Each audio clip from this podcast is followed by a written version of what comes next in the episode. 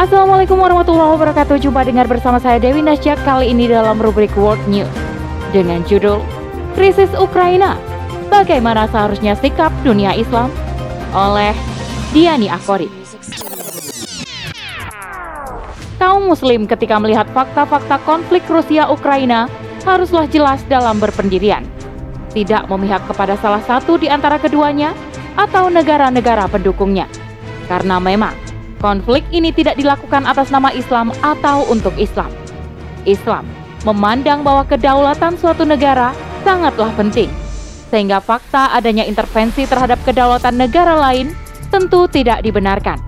Apalagi hal tersebut dilakukan melalui modus diplomasi maupun koalisi militer, seperti yang dilakukan oleh Amerika Serikat dan NATO. Selengkapnya, jangan ke mana-mana tetap di podcast Narasi Pos Media. Narasi Pos cerdas dalam literasi media, bijak menangkap peristiwa kunci. Konflik Rusia-Ukraina akhirnya menjadi operasi militer terbuka, menyusul pengakuan Rusia terhadap Donetsk dan Luhansk yang memisahkan diri dari Ukraina. Setelah pengumuman operasi militer khusus oleh Presiden Rusia Vladimir Putin, Rusia langsung melancarkan serangan darat, udara, dan laut ke beberapa kota di Ukraina, termasuk di ibu kota Kiev. Padahal, Selama berbulan-bulan sebelumnya, Presiden Vladimir Putin telah menyangkal akan menyerang negara tetangganya tersebut. Namun, Rusia tidak merasa aman terhadap apa yang disebut ancaman konstan dari Ukraina modern. Salah satu alasan invasi dipicu oleh keinginan Ukraina untuk bergabung ke Pakta Pertahanan Atlantik Utara atau NATO.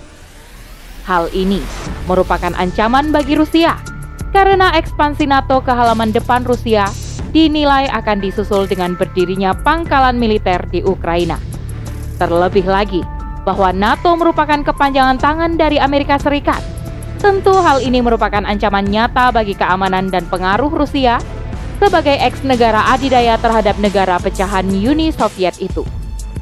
Tentunya, Rusia tidak ingin kehilangan kedikdayaannya dan akan terus menancapkan cengkraman kekuasaannya di negara-negara bekas Uni Soviet yaitu Azerbaijan, Belarusia, Estonia, Georgia, Kazakhstan, Kyrgyzstan, Latvia, Lithuania, Moldova, Tajikistan, Ukraina, Turkmenistan, dan Uzbekistan. Eurasia merupakan kawasan yang kaya akan sumber daya alam, khususnya minyak, gas, dan tambang. Sedangkan Rusia adalah produsen minyak terbesar ketiga dan produsen gas alam terbesar kedua di dunia. Rusia mengekspor 70% gasnya ke Eropa via pipa melalui Ukraina. Separuh dari ekspor minyak dan kondensatnya ditujukan ke Eropa. Akibat invasi, akhirnya harga minyak mentah dunia menembus harga 116 US dollar per barel, naik dari harga 86 US dollar per barel.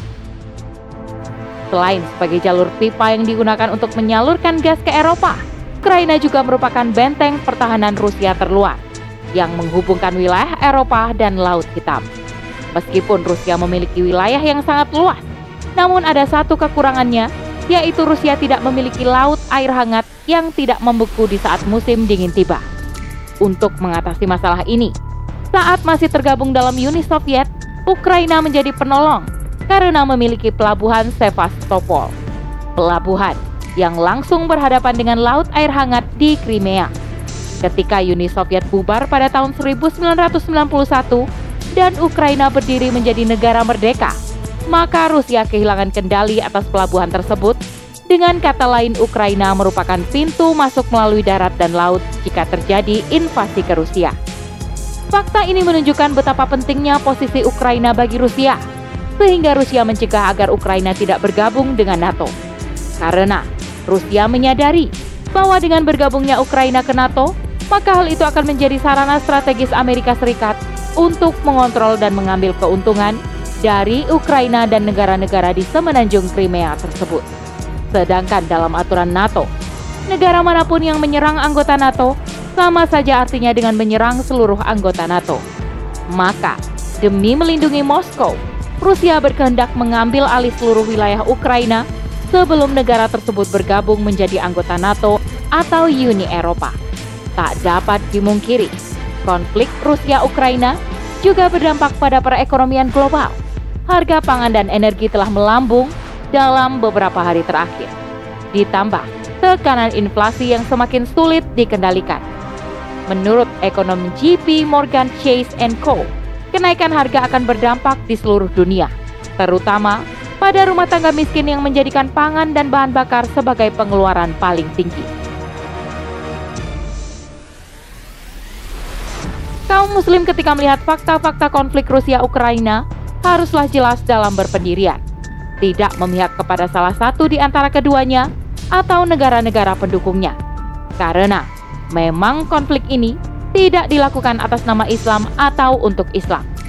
Islam memandang bahwa kedaulatan suatu negara sangatlah penting, sehingga fakta adanya intervensi terhadap kedaulatan negara lain tentu tidak dibenarkan. Apalagi hal tersebut dilakukan melalui modus diplomasi maupun koalisi militer, seperti yang dilakukan oleh Amerika Serikat dan NATO. Karena apabila suatu negara sudah diintervensi kedaulatannya oleh negara lain, maka hilanglah kehormatan dan kekuatannya. Akibatnya, negara tersebut akan dikontrol oleh negara yang mengintervensinya. Dalam sistem khilafah, tidak akan dibiarkan salah satu wilayahnya memisahkan diri, serta tidak boleh satu negara pun mengintervensi urusan dalam negeri dan kedaulatan daulah, sehingga akan mencegah negara lain untuk mengontrol daulah. Wallahu a'lam bisawab. Demikian rubrik World News kali ini. Sampai bertemu di rubrik World News selanjutnya. Saya Dewi Nasya kundur diri. Assalamualaikum warahmatullahi wabarakatuh.